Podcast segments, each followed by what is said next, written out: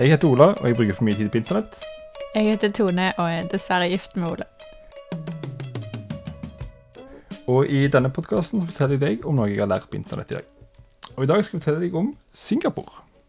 Ja. Ja, Singapore har jeg alltid tenkt var en britisk koloni, og så ble det bare frihet, og så var det Singapore.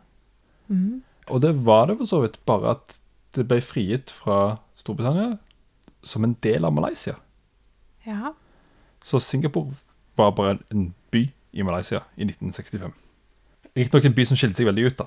Eh, For eh, Malaysia var malai-dominert og muslimsk, og Singapore var dominert av kinesere. Du har jo vært der. Ja? Ja. Eh, Kan du historien til hvordan Singapore ble Singapore? Nei, jeg skal overhodet ikke prøve å gjengi den, men jeg visste at det var en del av Malaysia. Ja, en Ja. del, ja. For det er ganske interessant, syns jeg, hvordan det ble i Singapore. ja, nå skal jeg være lydhør. For regjeringen i Malaysia i 1960-tallet, da når de ble Malaysia, eh, så ville de gi ekstra privilegier eh, til malayere. Altså de ville segregere eh, befolkningen. Men Singapore bystyre de ville ha likhet for alle. Men de var jo også, det var mest kinesere i Singapore.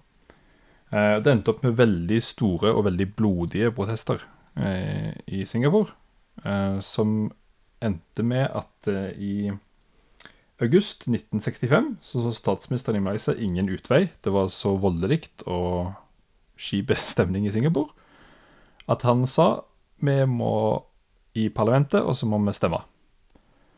Eh, Og to dager etterpå han sa det, så ble det valg i parlamentet der de enstemmig vedtok å kaste Singapore ut av landet.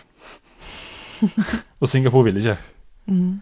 Eh, Så det var 126 stemmer i parlamentet. Alle stemte for at Singapore skal ikke være en del av dette landet lenger. Men den byen der, den bare push, push, vekk med den.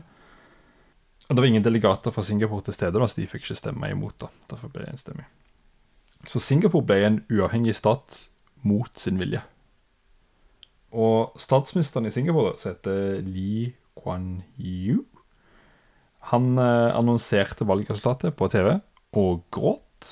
Han var helt fra seg eh, og mente at dette her var et fullstendig feil valg. Eh, det beste for Singapore var å være en del av Malaysia, et større land. De ville ikke klare seg alene. Og han brydde seg så mye om Singapore og ville det beste for landet og folket sitt at han var helt sånn Jeg vet ikke hvordan vi skal Dette kommer ikke til å gå. Og han var statsminister til 1990. Så han klarte jo å bygge opp landet noe vanvittig, da. Han døde i, i 2015, så han fikk jo med seg en helt vill klassereise, da. For Singapore var veldig fattig. Det var sånn som Malaysia er nå, egentlig. Og har jo blitt en verdensmetropol som er jo et av de rikeste stedene på planeten. Ja, ganske klassedelt. Ja, ja, ja absolutt. Ja, absolutt. Men noen- liksom, økonomisk så har han jo fått til noe helt vanvittig der. Mhm. Og de røyker jo ut av Malaysia for de ville ha likhet for alle. Og så Ja, bygde de en ganske. stat som på ingen måte er lik for alle. Egentlig. Men ja, Malaysia ble jo på stedet hvil, men Singapore skjøt jo økonomisk i, i været takket være han der karen her, da. Men Mm. uh, Singapore ble altså en stat mot, sin vilje. vilje. Ja. Det er ganske gøy. ja, det er fun fact. Det er jeg enig i.